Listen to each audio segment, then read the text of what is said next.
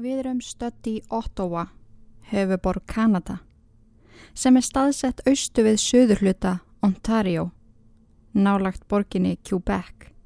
Einu sinni var hægt að segja að glæpatíðinni á svæðinu var í lág, en í lók nóvember 2008 breyttist það.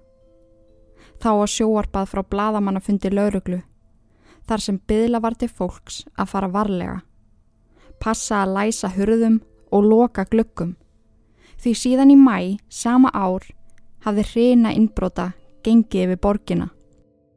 Innbrotin voru samt ekki þessi típisku þar sem að stóli var skarsti peningum eða ráftækjum þvert að móti. Innbrótþjórin rendi kvennmanns nærfötum en innbrot af þeim toga eru kölluð fettis innbrot eða blætis innbrot. Sveipaðir glæpir höfðu átt sér stað í tweets smábæ þar sem rúmlega 1600 manns búa, en Tweeds er í tveggja klukkustunda axtusfjarlæð frá höfuborginni. Frá september 2007 til mæ 2008 voru tilkynnt 22 inbrot í Tweeds, sem er ansi hátt hlutfall með hvað fáir búaðar.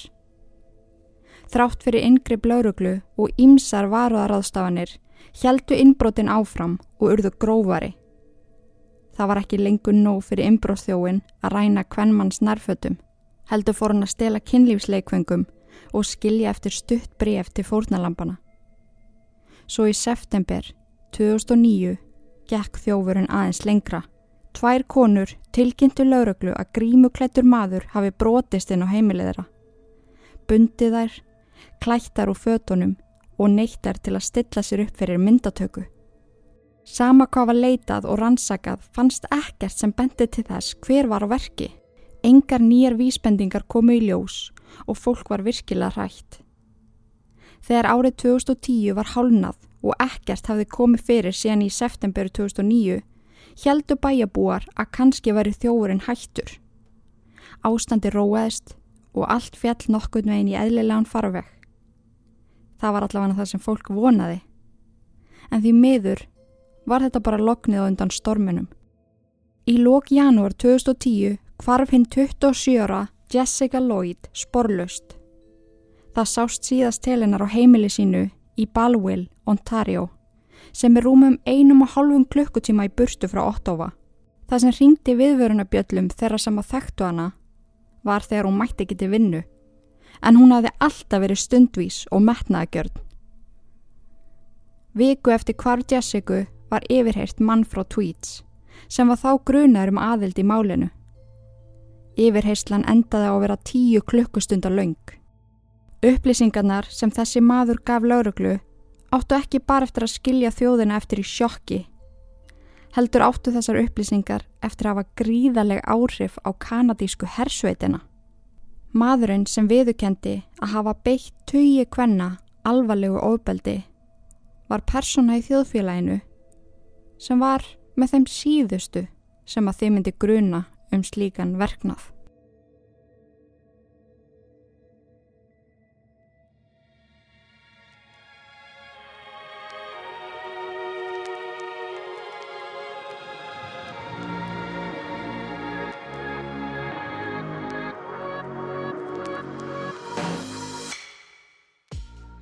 Komið sæl og verið hjartanlega velkomin því aðna litlu Sweet Baby Jesus Children. Ég heit Inga og þeir eru að hlusta á hlaðvarstáttin Ílverk eins og ykkur sé bara hvað býtu hvað þátt er ég að hlusta á? Best að ég býði eftir að píjan segi mér það. Þetta er bara formsadriði krakkar. Áður við byrjum það langaði mig örstuðt að segja ykkur frá Ílverk krakkar. En ef að þeir mistu af þessu öllu saman eða eru búin að búa undir stein þá fóri nýverið að stað með nýja hlaðvarstætti og eins og nafnið gefur til kynna eru þeir fyrir krakka. Ég gef út eitt frían þátt í mánuði og sex áskrifta þætti. Verðið breytist ekki neitt. Mér langaði bara að gera vel við ykkur og börnin ykkar og ég vona að þættirnir nýtist vel í amstari dagsins. Ég er allavega mega spennt fyrir þessu. Ég elska þegar ég fæ tækifæri til þess að hleypa mínu innra barni út sem ég geri klárlega í þessum þáttum, það fyrir ekki á milli mála. Þannig já, ef krakkin eitthvað var að fýla þetta, hendið ykkur þá í áskrift og fáið tíu auka þætti í mánuði. 5 fyrir ykkur og 5 fyrir aðkvæmið á 990 krónur. Mic drop. En þátturinn er í bóði törutryggs.is. Þar get ég bóðið ykkur 25% afslátt með kóðanum INGA25. Það er svo mikið gyrnilegt inn á þeirri síðu að það nær bara engri átt.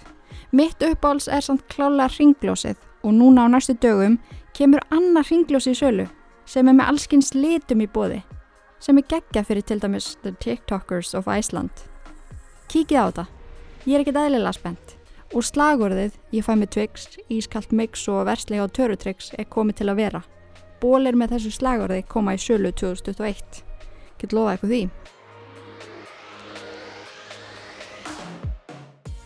En ok, þáttur dagsins er ansi magnaður. Ég fekk þetta mál innsend frá hlustanda og ég átti að vera alltaf orð þegar ég byrjaði að kynna mér það. Sjúkleikin sem er til í þessum heim kemur mér alltaf jafn mikið óvart. Það er til svo mikið að mismunandi fólki sem hugsa svo innilega öðruvís en maður sjálfur. Þetta er alveg magnað. En ég skal ekki tefja þetta meira. Hendum okkur að stað. Þið eru að hlusta á ítla... Um að gera að segja ykkur áttur hvað þið eru að hlusta á. Fyrst við erum byrjað á þessu þá, þá get ég sagt ykkur að ég heiti fullu nafni Ingeborg Katrín en hef alltaf verið kvöldu Inga. Pappi minn hétt Kristján svo ég kendu hann. Ah, komið ykkur fyrir, leggjum við hlustir. Það er komið að sögustund, mín kæru.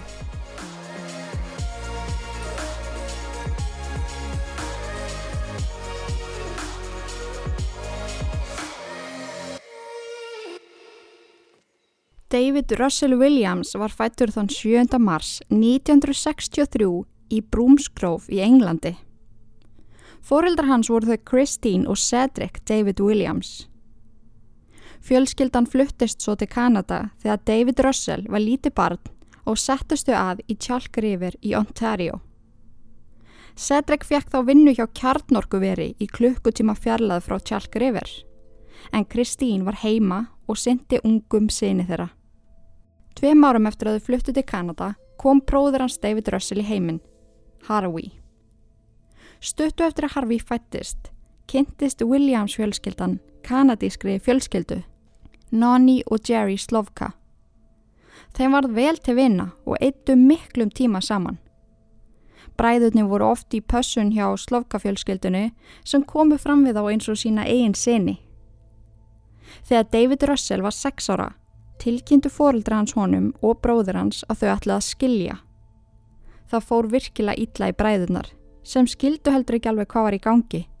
Það sem rugglaði þá svo enn meira í rýminu var þegar fadir þeirra giftist Nonníslovka og móðir þeirra giftist Jerríslovka. Svo í rauninni svissuði fjölskyldunan mögunu sínum, sem var virkilega skrítin upplifun og í langan tíma vissu drenginir ekki alveg hvernig það átt að haga sér.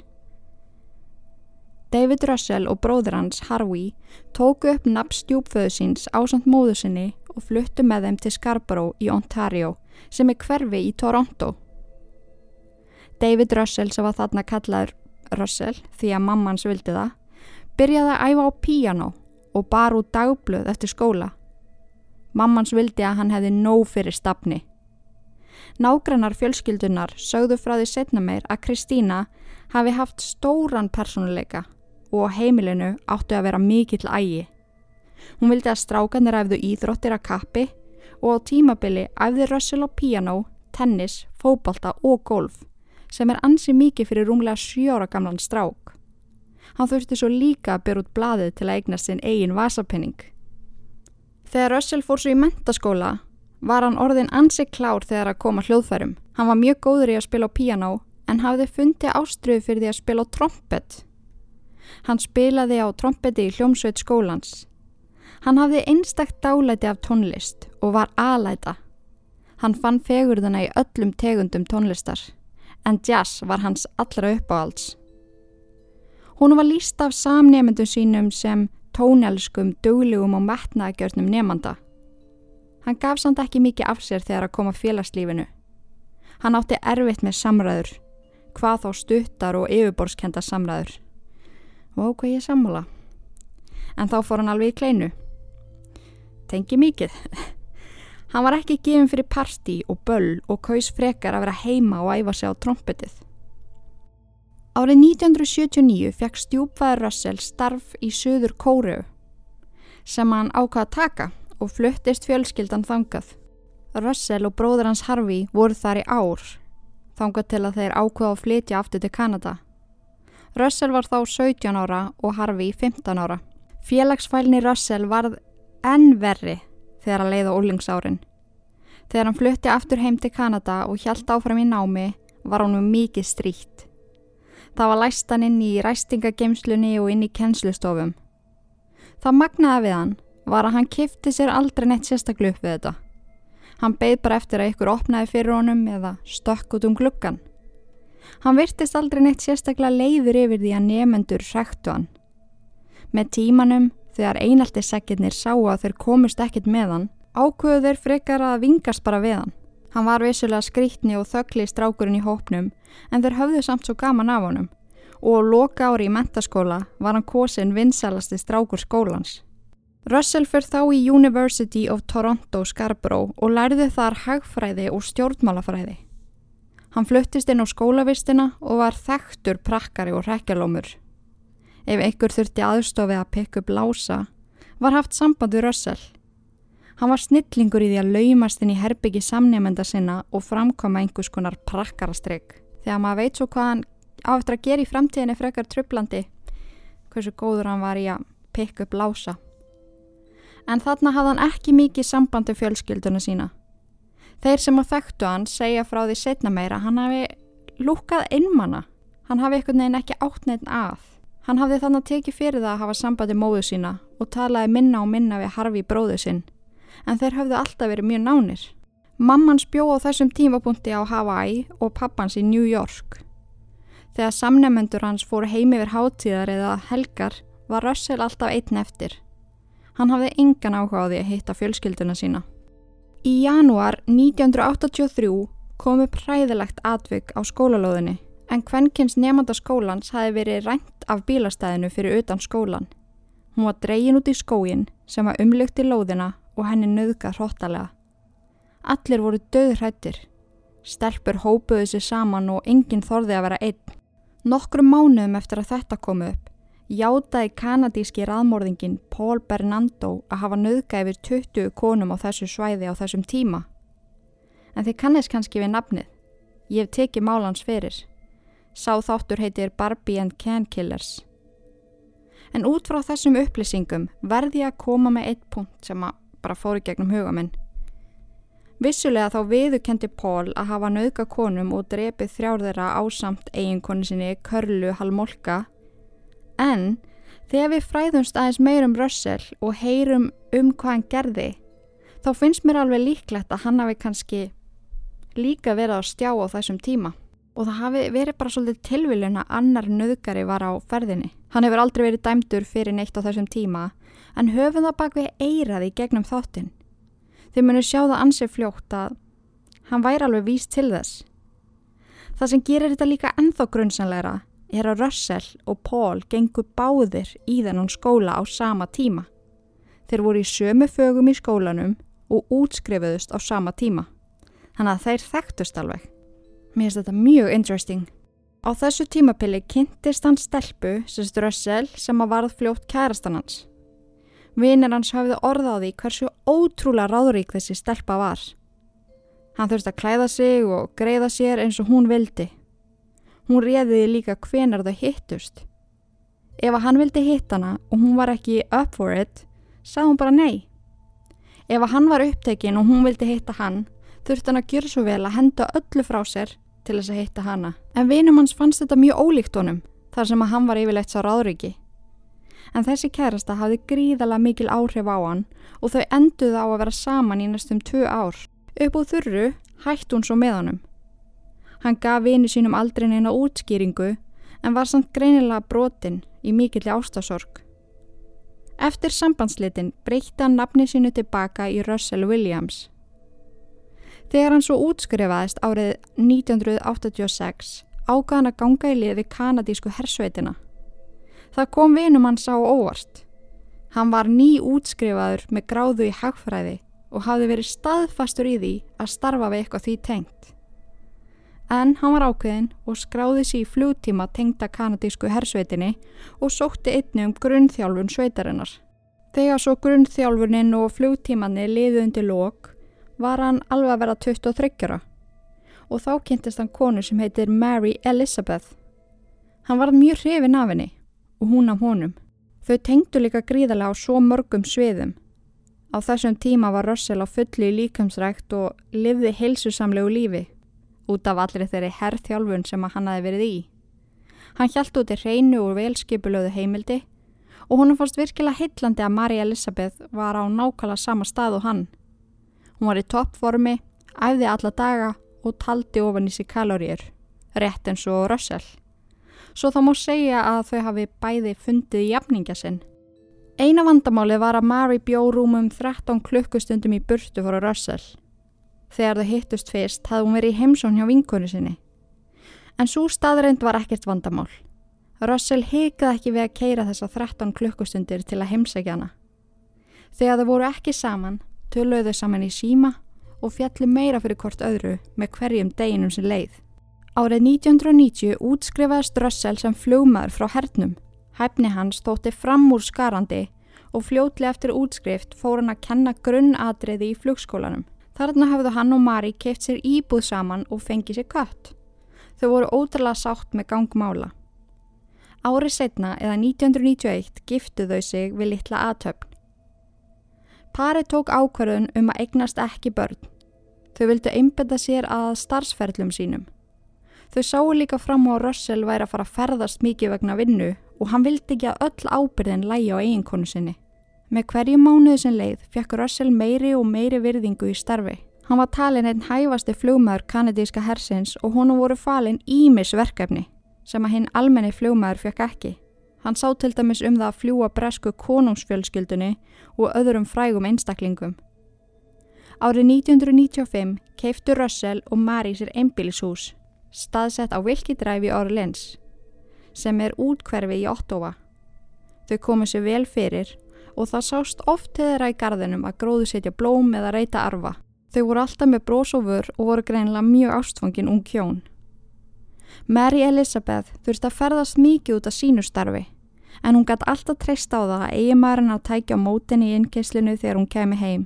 Tæki utanum hana og beða hana velkomna. Nágranna þeirra lístu þeim sem þessu dásanlega unga pari, greinilega ástfanginu fyrir haus með allt á hreinu.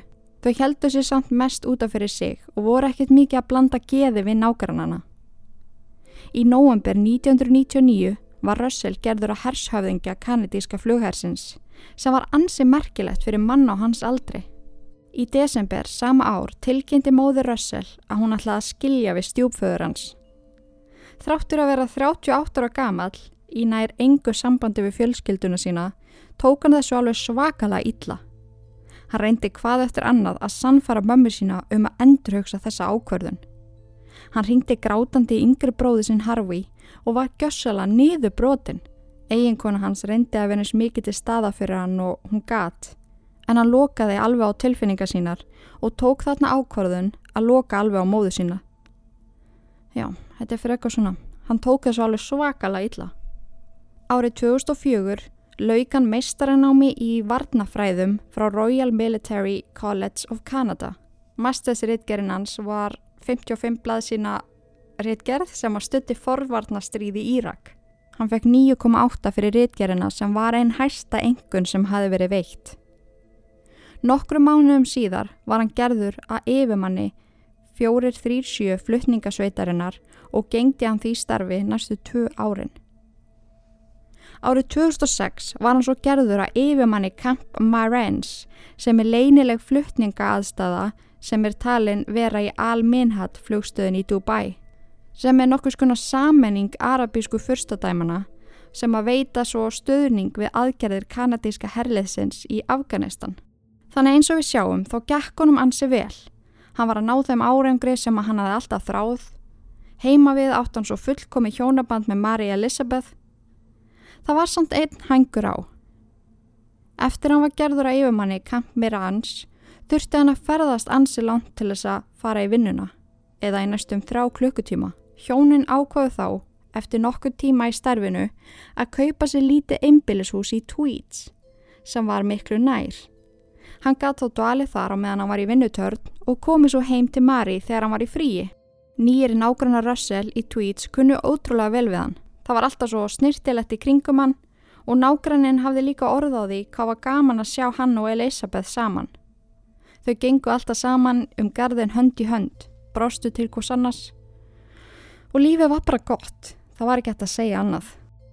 Þráttur í holdt lífverðni átti Russella til að fá mikla verki í liðamótin. Hann vissi ekki nákvæmlega af hverju þetta gerðist en húnum fannst hjálpa að fara í göngutúr. Hann bjóð því til þá rútínu að fara alltaf í göngutúr fyrir svefnin. Alltaf í kringum miðnætti mátti sjá hann ganga í burtu frá húsinu sínu og snúa tilbaka um 40 mínútum síðar. En þetta saðist hann gera til þess að geta sofið betur. Árið 2007 fóru Íbor Tweets að óttast um öryggið sitt eftir að hreina innbróta gekk yfir. Þetta var aldrei tekin eitt sérstaklega alvarlega og innbrótin föttuðust yfirleitt ekki fyrir en eftir nokkra daga og þá hafði fattast að þjófurinn tók sérst kvennmanns nærböksur. Nágrannar Rössel urðu fyrir slíku innbróti en þau áttu 11 ára tvíburastelpur. Þegar þau komu heim eitt kvöldi tókuðu eftir hávöksnu manni inn á heimileðra sem hljópa brott þegar þau komu auga á hann. Eina sem var tekið voru nýju pör á nærböksum stúlknana. En þetta gerðist svo allt í tweets. Í Ottawa var svo hreina sveipaðra einbrota. Það var brotist inn á heimilið þar sem unlingstúlkur byggu og stóli frá þeim stundum öllu innihaldinu úr nærfættaskúfum þeirra. Höfum það baku eira að tweets er í tveggja og háls klukkutíma fjarlað frá einbrotasvæðinu í Ottawa. Svo það var ekki gerðneins sérstök tengingan á milli en þótti samt virkilega undalegt en glæpinir ígerðust frá september 2008 til mars 2009 og þá var reynd að brótast inn á 11 heimili og náð að brótast inn á rúmlega 30 heimili. Þjófurum fór svo að færa sig upp á skaftið. Fór úr því að ræna mörgum nærböksum yfir í að taka nær allar sem hann fann. Hann fór svo úr því yfir í að taka kynlífsleikfung, skilja eftir bref og rífa ljósmyndir út um myndaalbumum og leggja þar á gólfið, sérst myndir af fórnulambunum. Imbróstjóðurinn var að vinna svolítið með að opna vördskjál í tölvu fórnalampana og skrifa þar merci sem er takk á frönsku. Maður getur rétt ímynda sér hversu hræðilega óhugulegt þetta hefur verið. Þótt hann hafi ekki gert neitt sem að ógnaði lífinins, allavega ekki þarna, þá er hræðileg tilfinning að vita til þess að ykkur hafi verið inni hjá manni, að gramsa í dótunum hans. Úf, manni líður auðvitað eins og maður sé skítur og allt dótum mann sé skítugt. Í júni 2009 var ringt á laurugluna og hún beðin um að koma og rannsaka eitt innbrotið. Fjölskylda sem hefði verið að lenda heimi á sér eftir nokkra daga ferðalag tóku eftir því að eigum 15 ára dóttiðara hafi verið stólið. Yfir 50 nærbuksur, sundfödd, kjólar, náttfödd og ljósmyndrafinni voru hortnar. Þegar lauruglan rannsakaði herbyggið hennar fannst þornað sæði á rúmunu hennar og á skúfunum hennar sem gefið til kynna að einbróðstjóðurinn hafi fengið á meðan hann meðhendlaði nærböksunar í skúfunni. Þar sem sæði var þornað var ekki eftir að taka DNA síni, allavega ekki á þessum tíma. Stelpan var svo hrætt að hún gæti ekki hugsa sér að sofa inn í herbygginu sínu. Næstu þrjá mánuðina svaf hún úr gestaherbygginu með 50 kíló labradorhundi sinn uppi hjá sér.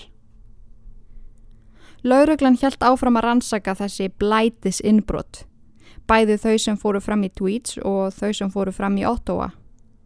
Sikkur laurugludeldin rannsakaði þó málinn, þar sem að þau voru ekki talin tengt á þessu stíi máls, eins og ég saði ykkur áðan.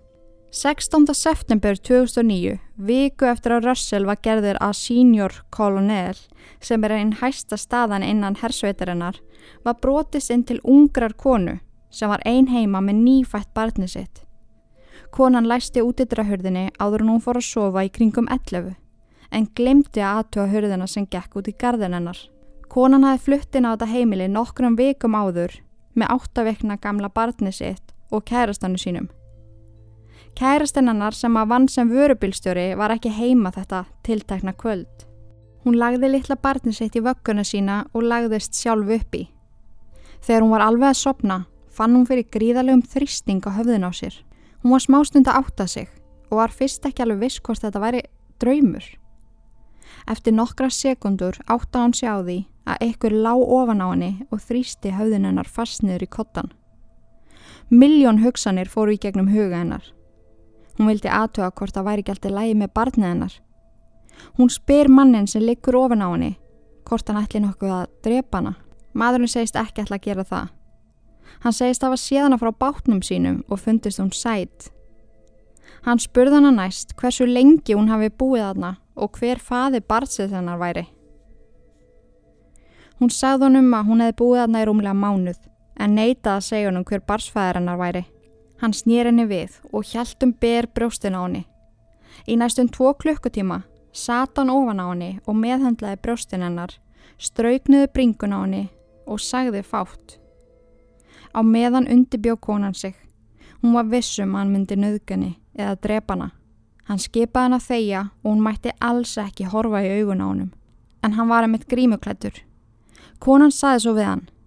Þú ert ekki típan til þess að gera eitthvað ílt. Hún hefur orð á því að einbróðstjórin virtist mildari við hana eftir hún sagði þetta. Hann batt hendur hennar og leita hann inn í stofu og kvíslaði að henni hvað eftir annað. Þú verður að hlýða mér. Ég verð að hafa fullkomna stjórn. Þá fer allt vel. Konan segir einnig frá því setna meir að hún hafi ákveðið að segja honum að hún sé nýbúin að egna sparn. Henni fyndist hún ekki aðlaðandi líkamlega. Hún sagði Ef að ég segði honum að ég væri ekki aðlaðandi þá myndi hann kannski bara fara. En þetta hafði andstæð áhrif. Einbróðsjóðurinn sagði henni hún væri fullkomin í alla staði. Hann lofaði henni að meiða henni ekki. Hann lofaði að meiða barnið hennar ekki. Hann smegði kottaveri yfir höfuð á henni. Konan sagði hennum að hún fengi gríðala innilókan að kendi inn í kottaverinu. Svo hann tók það af, reyðaði sundur og battum augu hennar. Hann leta hann að standa út á miðjugólfi á meðan hann strauki við brjóstennar, kisti þau og kvíslega reglulega að henni að hann ætlaði ekki að gera henni neitt ílt. Konan heyrði í myndavel og spurði hann hvað hann væri eiginlega að gera.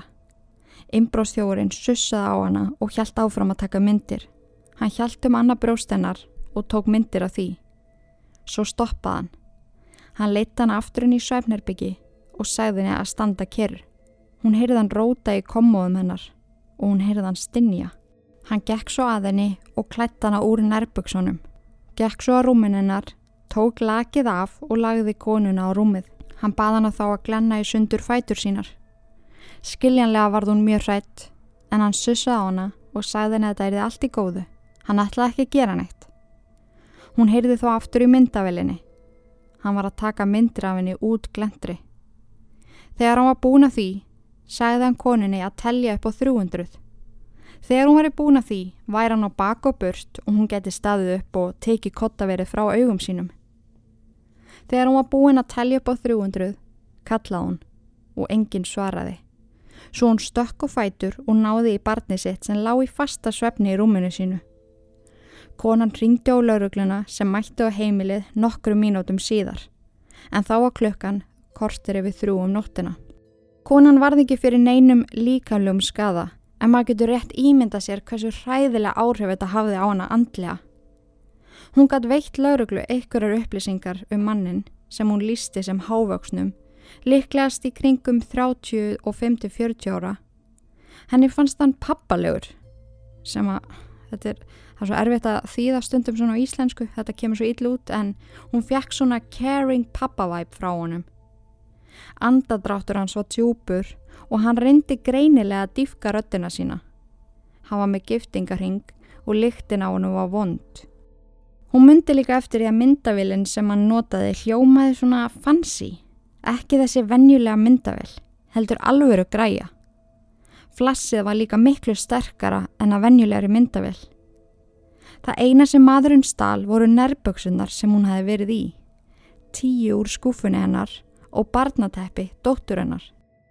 Það leiði ekki á laungu þar til annar svipaður glæpur var framinn. Lori hafi leiðið í sófanum allt kvöldið og hort á uppáhaldstættina sína. Eins og gengur að gerist á dottamæður oft í sófanum og fyrir en varði var hún steinsopnuð. Hún rökku upp eða að ykkur hjælt þjættingsfast um hálsin á henni. Síðan var dreyið teppið sem hún hefði sofið með yfir höfuðu á henni og þrýst. Það tók hann að smá stund að átta sig á því hvað var í gangi. Þegar hún heyrði eitthvað segja með djúbri röttu, Öss, hafði hljótt. Hún áttaði sig þá á því að imbróstjófur stæði yfir henni. Hún sagði manninum hvað hann geti fundið allt skartið hennar. Hann mætti taka hvað sem hann vildi bara ef hann myndi ekki með hana. Hann þrýsti fastar og kýld hana hvað eftir annað í andlitið. Hann reyf hana svo upp úr sófanum og klætt hana úr öllum fötunum. Batt hendur hennar fyrir aftan bak með strekkiborða og batt svo fyrir augu hennar með sundurreifnu kottaveri. Hann spurð hana hvað eftir annað. Ertu nokkuð að horfa á mig? Þú mátt alls ekki horfa í augun á mér. Lori saði hann um að hún væri ekki að því. Hún væri með lokuð augun. Þá svaraði hann reyðilega. Gott, þú vilt nefnilega alls ekki sjá mig. Það kom Lori virkilega óvart hvernig innbórstjóðurinn brást við því þegar hún sagði hann um að hún væri með mikinn höfuverk eftir að hann hafi barið hann í höfuðið. Hann leitt hann inn á bað og gaf henni verkelif. Hann fór svo með hann aftur fram í stofu, lagaði kottaverið sem hann hafi bundið fyrir augu hennar og nuttaði höfuð á henni. Er þetta þægilegt? Fyrirgefðu, ég ætlaði ekki að meiða þig. Lóri fannst þetta virkilega skrítið.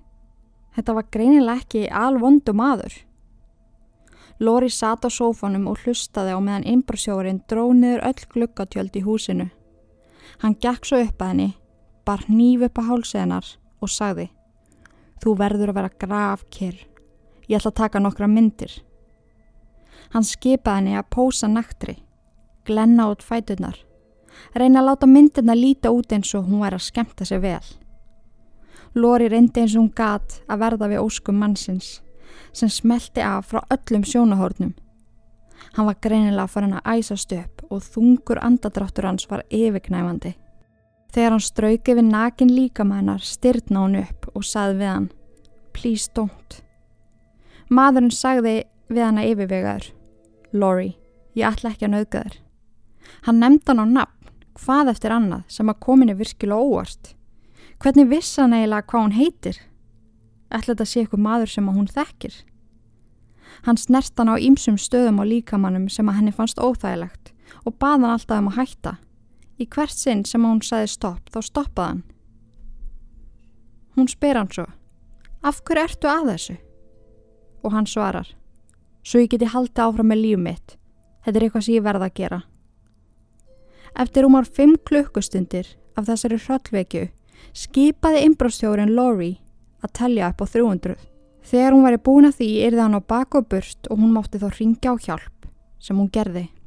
Eftir rannsókn á vettvangi komst í ljós að inbróstjórin komst inn í gennum glugga sem hann hefði skrúfað upp. Áhugavert að hann hafi kosið að fara þá leið þótt að útidirahurðin hafi verið opinn. Það voru engir sjáanleir áverkar og Lori sem að verkaði þó mikið í höfuðið. Það eina sem hafi verið tekið að heimilinu voru nærböksur og sundfött.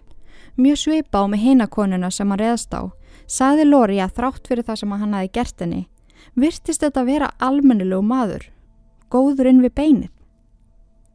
Á þessum tímapunkti var búið að tilkynna um 58 innbrott og nýju þeirra voru framinn í sömu götu og Russell Williams bjó. Það var yfirlegt brotist inn á förstudags og laugadagskvöldum og fjekk innbróstþjóðurinn gælunafnið The Tweeds Creeper. Ann Marson Cook hafði heyrt af þessum aktífa innbróstþjóði en taldi sig þó nokkuð öruga þar sem hún bjórúm um hálftíma fyrir utan Tweeds. Í oktober 2009 var hún á leiðin út að borða til að fagna 48 ára ammælinu sínu. Áður hún fór á veitingastæðin kom hún við heimi á sér til að skipta hann um född. Það tók á mótinni hryllingur inn í svefnarbyggjun hennar. Hver einasta skuffa í fatakomóðinni var opinn. Það var búið að róta í þeim og öllum kynlífstækjum hennar hafi verið stólið. Hún ringdi í vinsinn sem bjó rétt hjá og baða hann um að koma á aðtöða hvort inbrústjórum væri örgla farin. Hún viðurkenni setna meira að hún hafi ekki þórað að ringja í lauruglu út af skömm. Henni fannst vandraðilegt að ringja út af stólnum kynlífstækjum. Öss, öss, öss, öss, öss, mér sleðilegt að heyra þetta, en kynlífstæki eru múi importanti, auðvitað ringjur ef þeim er stólið.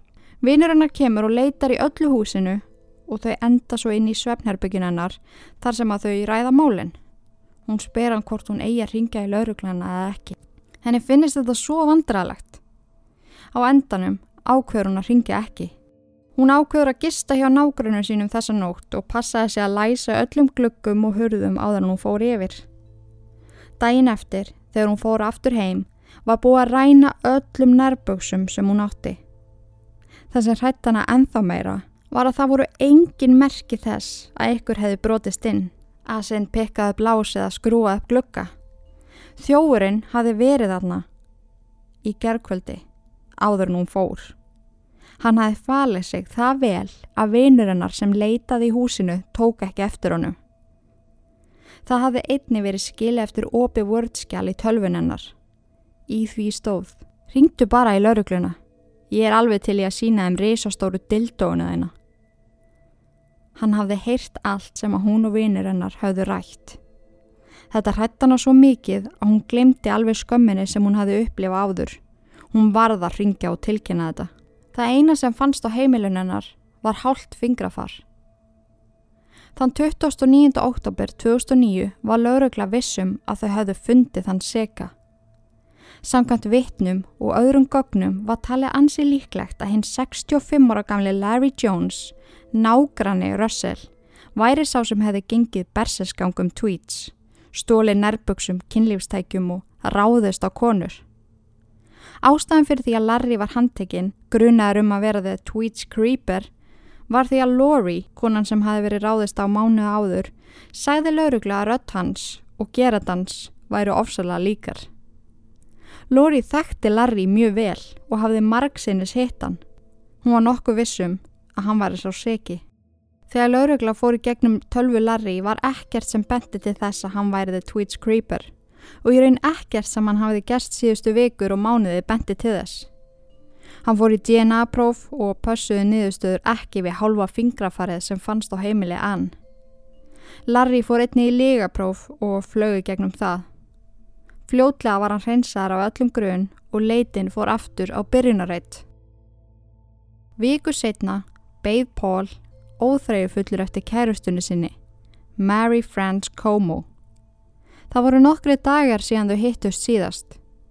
Hún vann sem yfir flugstýra hjá kanadíska hernum. Þetta var drauma starfið hennar svo að Pól létt sér hafa það að þurfa sakna hennar freka reklulega á meðan hún fór að vinna. Þegar hann hafi beðið á kaffehúsinu sem þau ætlaði að hittast á í rúman klukkutíma, ákvaðan að keira heim til hennar og aðtöða hvort það væri ekki allt í góðu. Kanski hafði hún glemt sér eða eitthvað svo leiðis. Þegar hann kerði á húsin hennar tók hann eftir því að bílinn hennar var enþá í innkjörslunni. Hann gekk inn um útættirahörðina sem var opinn og kallaði henni í dimt húsið. Ekkert svar.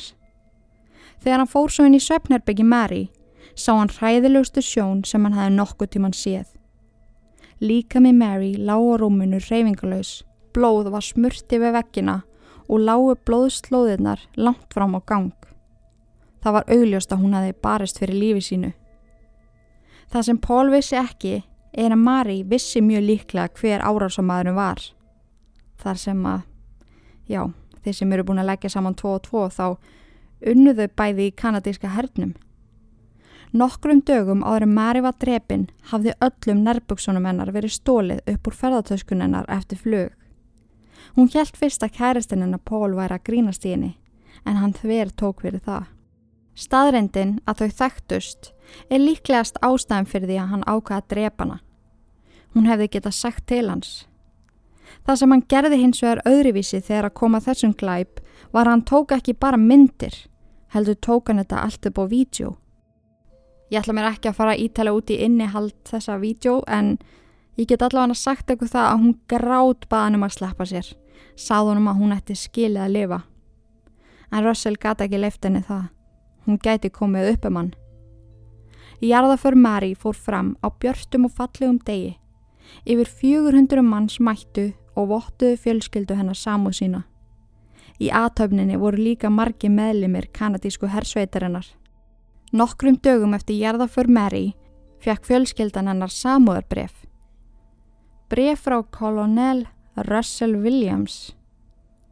Þar tekur hann fram að hann hafi einu sinni flóið með Mary og honum hafi líka einstaklega vel við hana.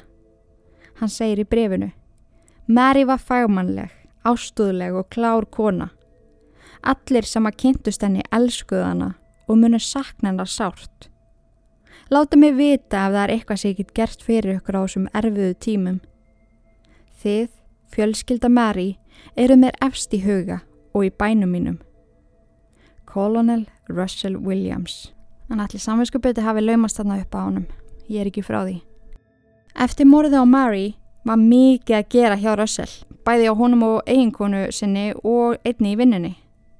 Vetrar ólimpíuleikanir 2010 voru haldnir í Vancouver og var Russell einn af þeim sem að fekk hann heiður að halda á kindlinum fræga.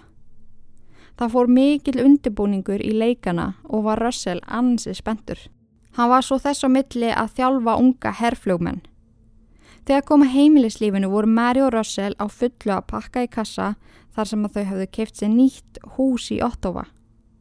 Húsið sem að þau hafðu búið í áður var komið til ára sinna og ákvöðu hjónin að kaupa sér nýbíli í hverfi sem var að rýsa.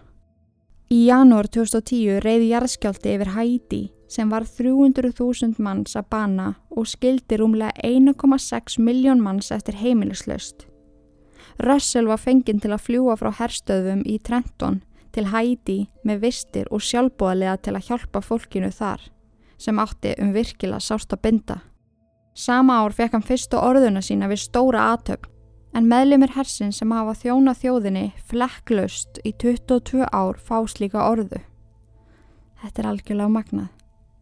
Þrátt verið allt sem að hann var að áorka, það var alltaf eitthvað óútskýranlegt sem blundaði innra með honum og ekki leðu löngu þar til annað líf varð fyrir barðinu á The Tweeds Creeper.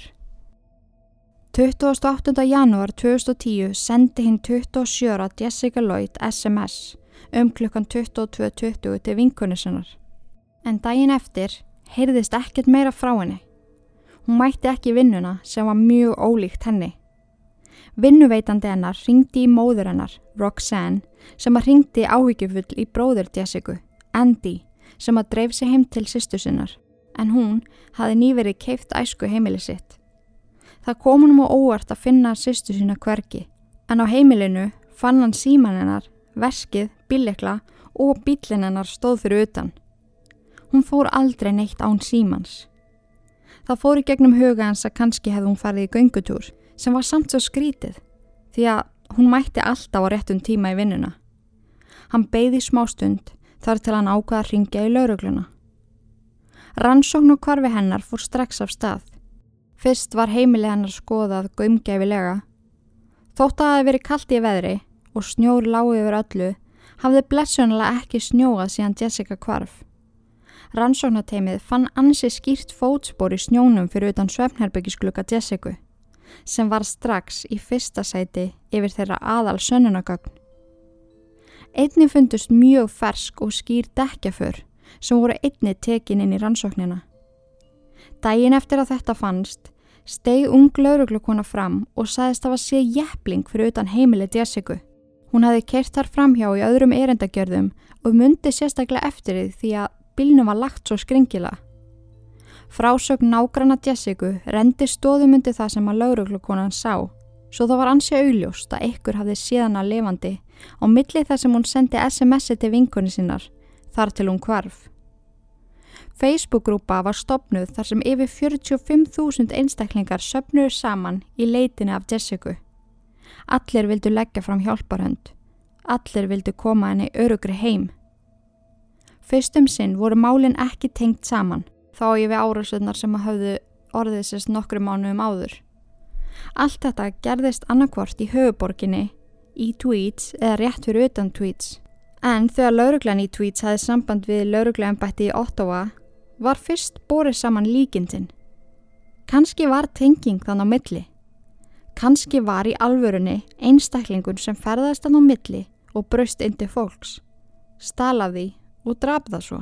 Það var farið þarna á fullt að finna út hvers konar bíl hafi staði fyrir utan heimilið Jessica. Með því að rannsaka dekkjaförin er hægt að tengja minnstrið við ákveðina bílatögund. Það voru settir vegatálmar út um allt þar sem fólk var stoppað og spurt ímsa spurninga. Eitt þeirra vegfæranda sem var stoppaður var Russell Williams sem óg á Nissan Pathfinder. Hann panikaði þegar hann sá laurugluna og lögði að hann var að drífa sig. Barnið hans var veikt heima og hann yrði að fara. Án þess að hann tæki eftir því tókuður mynda minnstir í dekkjana á bílans og hleyft honum svo í gegn með brós og vörs. Það tók ekki langan tíma að sjá að förin sem að fundist fyrir utan heimilið Jessica og minnstri á nissaninum var nákvæmlega sama.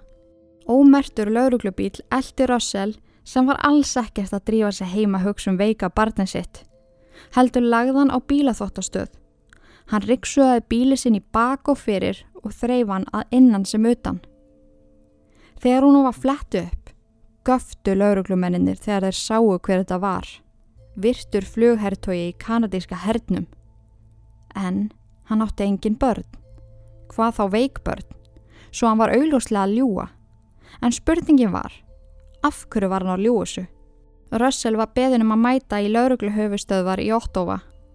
Það fyrsta sem var gert þegar hann mætti þangað var að beðinum að fara úr skónum. Það þurfti að bera það saman við fólksporið sem að fannst fyrir utan glugga Jessica. Á sokkalistónum eldi hann svo lauruglu inn í yfirhersli herrbyggið, þar sem að enn eitt fjaskoið hófst. Russell var hinn rólegasti. Halla sér aftur í stólinn og teku tyggjó. Hann svarar spurningum lauruglu með brós á vör og gefur sér góðan tíma í að svara þeim. Hvað hann var að gera á ákveðnum tímum og hvort það séu einstaklingar sem geta staðfesta. Hann svaraði öllu sallarólegur en talaði mikið í kringum spurningarnar. Hann var svo spurður út í brefi sem hann sendi fjölskyldu Mary. Af hverju hann hefði tekið upp hjá sjálfu sér að senda þetta bref. En það væri yfirlegt sendt svona bref fyrir hönd hersins. Vanalega er ekki einhver eitt sem að tekur upp á því. Plús það, þá þekktust þau ekki neitt. Hafðu flóið saman einu sinni. Það var bara eitthvað undalegt við þetta bref og maðurinn sem að yfirheyrðan vildi útskýringu. Russell segi frá því að hann hafi fretta andláti hennar í gegnum e-mail og einnig að hann hafi bara hitt hann einu sinni. Hann var einnig spurður út í það hvað hann hafi verið að gera daginn sem Mari kvarf og dagan eftir það. Hann segist að fara með Mary Elizabeth út að borða kvöldi sem var Mari kvarf. Síðan hafa hann kert aftur til tweets því hann þurfti að vinna daginn eftir. Hann virtist geta þulið upp hvern einasta dagvekunar og var reyðubúinn að veita öll þau gögn sem þurfti til að halda áfram rannsókninni. Blóðu síni, fingrafar og fleira. Detective Smith, maðurinn sem að yfirheyrðan, spurði Russell hvort hann hefði nokkuð áhyggjur. Gæti verið að eitthvað af þessum gögnum myndi benda til þess að hann hafi gert þetta. Russell segi þá, nei, alls ekki. Mjög örugur með svarsitt. Smith segir honum að dekja förin á bílnum hans og förin sem að fundust fyrir utan heimili Jessica passi fullkomlega. Í alvöru, segir Russell og honum verður mjög augljóslega órótt. Ég er sérst að horfa á yfirhersluna og meðan ég er að lýsa svo fyrir ykkur svo ég þurfi ekki að setja en klippur svo þetta sé ótrúlega skiljanlegt en þið getur svo auðvitað að horta á þetta líka í heilt sinna á YouTube. Þetta er mjög áhugavert. En hann fyrir einhvern veginn allar að eða í stólnum svolítið eins og hann segja að hugsa bara oh shit, það er búið að ná mér. En það rennur hægt og rólega upp fyrir Russell að þetta sé búið. Þeir náða honum. Sönnunagögnin voru til staðar. Hann hættir alveg að tyggja tyggjóðsett sem að hann var á fullu að tyggja þannig rétt áður og þagnar. Smith segir honum að það eina í stöðunni sé að segja satt. Allt annað sé tímasóun. Russell starri framfyrir sig og segir við Smith að húnu finnist ótrúlegt að þetta sé að gerast. Af hverju er þetta ótrúlegt?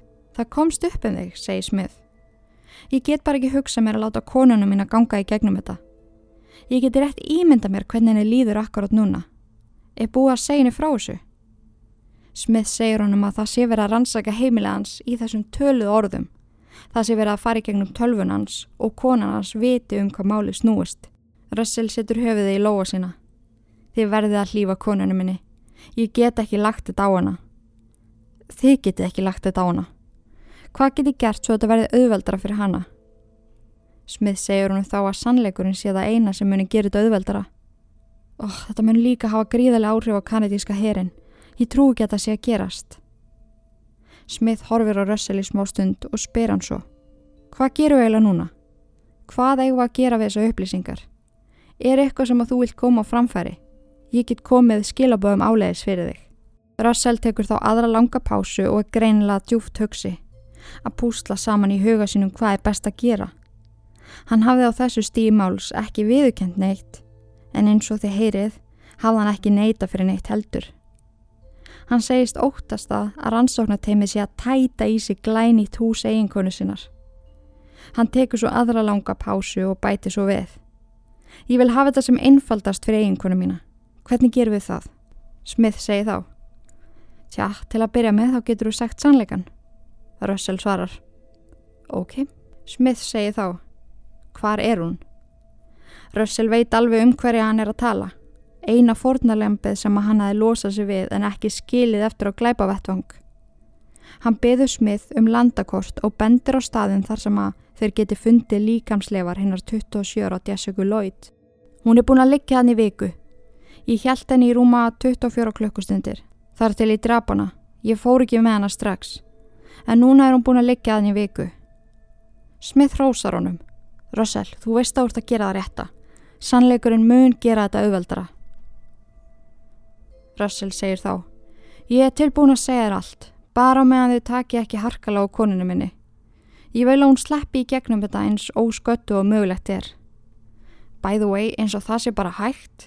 Sama hversu mikið hann er að fara að viðkynna fyrir lauruglu, sama hvað hann mun gera þetta einfaldara innan gæsalappa, þá er aldrei hægt að létta lífi fyrir eiginkonu hans. Hún er alltaf að fara að díla við það eigimæður hennar til margra ára sem blætismorðingi og ymbróstjóður. Hann hafi lifað svo innela töföldu lífi. En ok, Russell segi við Smith að núna setja allt upp á borðinu. Hann ætla ekki að neyta fyrir neitt en veit ekki alveg hvar sé best að byrja. Og spyr svo, hvað viltu vita?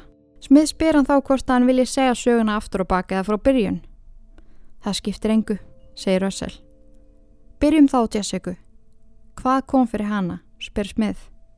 Hann hafi tekið eftir henni þegar hann kerði fram hjá húsinunnar nokkru dögum áður. Hún skokkaði á hlaupabretti í fremsta herbyggi húsins svo hann hafi séðan hann nokkuð vel. Þá hafði hann ákveðið að brjótast inn til hennar. Nokkrum dögum eftir hann sá hana fyrst, braust hennin og heimileginar þegar hún var ekki heima. Hann vildi ganga úr skuggaðum að hún byggi einn. Hann rótaði dótin hennar og gekk um það og skoðaði. Jessica var úti með vinu sínum á þessum tímapunkti og kom ekki heim fyrir hann um kvöldið. Þegar hann heyrði hann að opna, laumaðist hann út um bakdyrnar og faldi sér í gardinum hennar. Þar hjælt hann sér langt varmanótt og fyldist með henni hafa sér til fyrir svefnin. Þegar hann var nokkuð vissum og hún væri sopnuð, fór hann aftur inn um bakdyrnar og laumaðist inn í svefnarbyggi hennar. Hann stóði við rúminu og beigð þar til hún vaknaði. Hann var það fyrsta sem hún sá þegar hún opnaði augun. Hann batt hana, skar af henni fötinn og nöðgaði henni hvað eftir annað. Á milli tók hann myndir. Eftir rúmar fjórar klökkustundir að kvölum og hrylling, klættan hann í föt og hjælt á henni út í bílinn sinn. Hann kerðana í farþegarsæti bílsins heimti sín í tweets. Þegar þau voru komin heim til Russell skipa hann henni í styrtu. Hann steg svo inn með henni og þreif hana með svampi. Hann steg svo út og tók myndir af henni í styrtunni. Hún var bundin á höndum. Það var bundið um augu hennar svo hún sæi ekkert og plast strekkiborði var utan um hálsin á henni. Hann tók bæði myndir af henni og vídeo á meðan hún stóð nakin í styrtunni. Jessica sagði við Russell að henni væri svo ílt. Handleikinni væri orðni blóðlausir eftir að hafa verið bundnir í allan ennan tíma. Hann tók hana þá út úr sturtinni og losaði hendur hennar og lefði henni að sofa í rúminu sínu í nokkra klukkutíma. Hann laðist svo í hliðin á henni og vakti yfir henni. Þegar Jessica vaknaði, sagði hún Russell að henni liði mjög illa. Hún yrði að fá læknisaðstóð. Hann sagði henni að slaka á, anda inn og anda út. Hann stilti þá upp myndavélinn aftur og tók hann upp. Hún endur þó hvað eftir annað að henni liði hræðila. Hún yrði að fá lifi sín og hún yrði að fá læknisaðstöð. Russell strauk henni og saði henni að slaka á.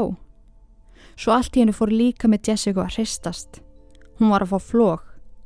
Russell fyldist með, tók þetta upp og saði henni að anda inn og anda út. Passa að býta ekki tunguna. Flóakastið endist í 15 mínútur og Russell gerði ekkert á meðan, horfið bara á og tóku þetta upp. Þegar hún hefði jafnað sig, sagði Russell henni að núna myndan bráðum sleppinni.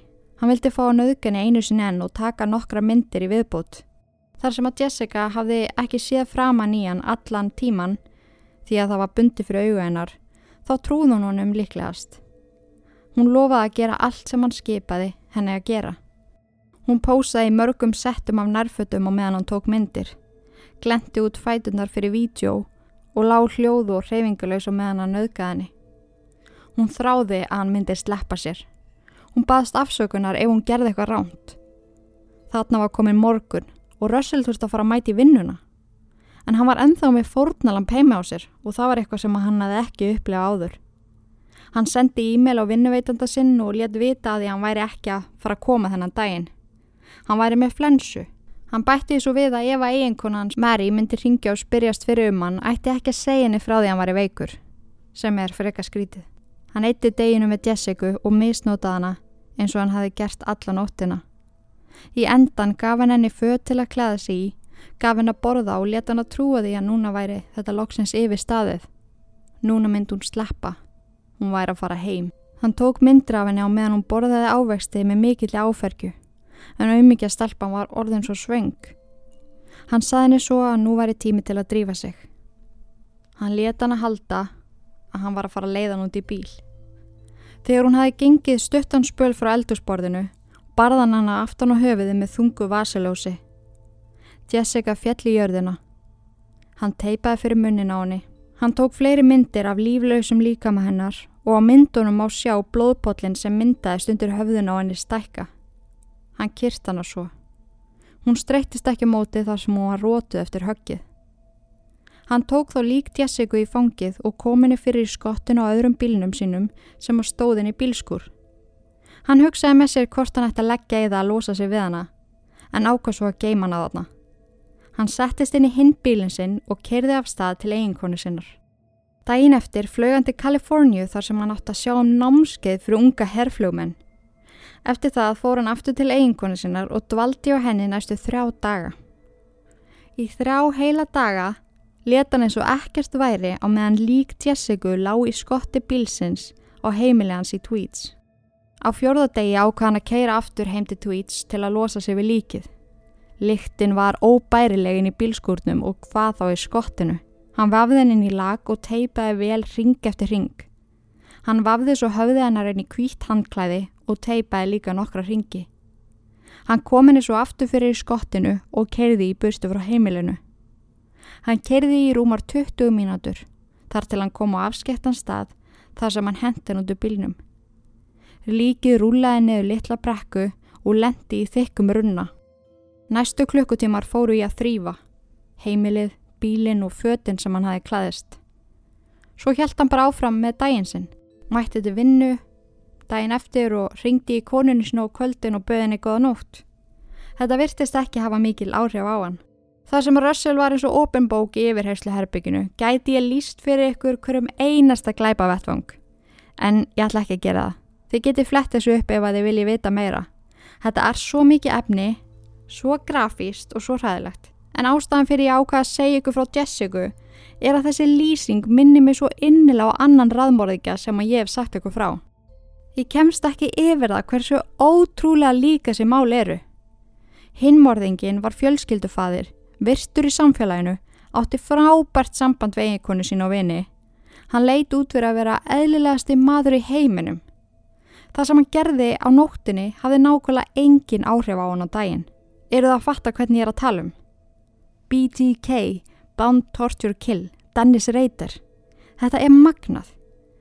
Þið þekki mig, ég varða að koma staði af hverju þessi menn gerðu það sem þeir gerðu. Því að hvorur þeirra eru flokkaðir sem psychopaths sem er magnað því að það er klálega það fyrsta sem kemur upp í hugamanns. En ástandi Russell og Dennis er líst sem kynferðislugu fráviki eða þráhyggju. Þessi þráhyggja tók yfir líf þeirra. Munið þegar eitt fórtundalam Russell spyr hann, af hverju ertu að þessu? Og hann svarar, svo ég geti haldið áfram með líf mitt, þetta er eitthvað sem ég þarf að gera. Það gefur okkur smá insýn inn í hversu mikið haldið þetta hafði á honum. Hann gata ekki haldið áfram með líf sitt ef hann fylgdi ekki þessari þráhyggju. Þannig að basically þá var Russell alveg hill á geði. Enda hefði maðurinn aldrei komist í gegnum alla þessa þjálfun hjá kanadíska hernum ef hann væri andlega veikur. Prófaninnar sem að fara þar fram eru rosalegar. Honum gekk fáralega vel í vinnunni, hann átti framtíðana fyrir sér og lífans var orðið útrúlega þægilegt og gott. En svo var það þessi hliða honum sem hann riði ekki við, þessi þráhyggja sem að yfirtók hann. Þetta er ángríns magna dæmi. Þeir hjá kanadíska hernum hafa klórað sér í hausnum yfir máli Russell í mörg ár. Bara hvernig hliftu við gæjanum í gegn? Hvernig yfirsást okkur þetta? En málið er að hann síndi ekkert tengt þessari hegðun í vinnunni. Gæin var hörku duglegur, áræðanlegur og efnilegur. Það er ekki tægt að taka það af honum. Hann tók sér aldrei frí, hann vann alltaf meira en hann átt að gera. Ekkert sem hann gerði gaf til kynna að hann væri öfugi og viðbjöður. Spáið í hvað heilin getur verið tvískiptur. Þú getur verið algjörlega tvískipt manneska sem er trillt dæmi. En eins og ég saði á þann, þá eru þetta fáralega mikið upplýsingum í viðbót. Og ég er alveg ofinn fyrir því að gera eitthvað svona follow-up þátt þar sem að ég fer yfir fleiri yfirherslur. Hvernig herin tók þessu og allt það. Þeir kannski láta mig vita þegar þeir eru búin að hlusta. En annars getið líka bara að dotta inn í YouTube-vídeó og horta öll þessi vídeo. Þið meti það bara, Sweet Baby Jesus Children. En 8. oktober 2010 þá játaði Russell Williams í dómsal eftir að auðmingja fólkinu sem satt þar hafði verið sínt öll þessi hryllilugu vídeo og myndir. Aug myndana af honum í kvennmannsnærfötum. Ég meina, ég er all about crossdressing, mér finnst það bara gegja, en djöfull er hann ósmekklur náðungi. Úf. Hann fekk 25 ár með engum möguleika á reynslilöst svo önnur 25 ár með möguleika á reynslilöst þannig að í rauninni 50 ár þar til að hann á eitthvað möguleika á að komast út. Hann var rekin úr hernum og allar hans metalíur teknar. No shit.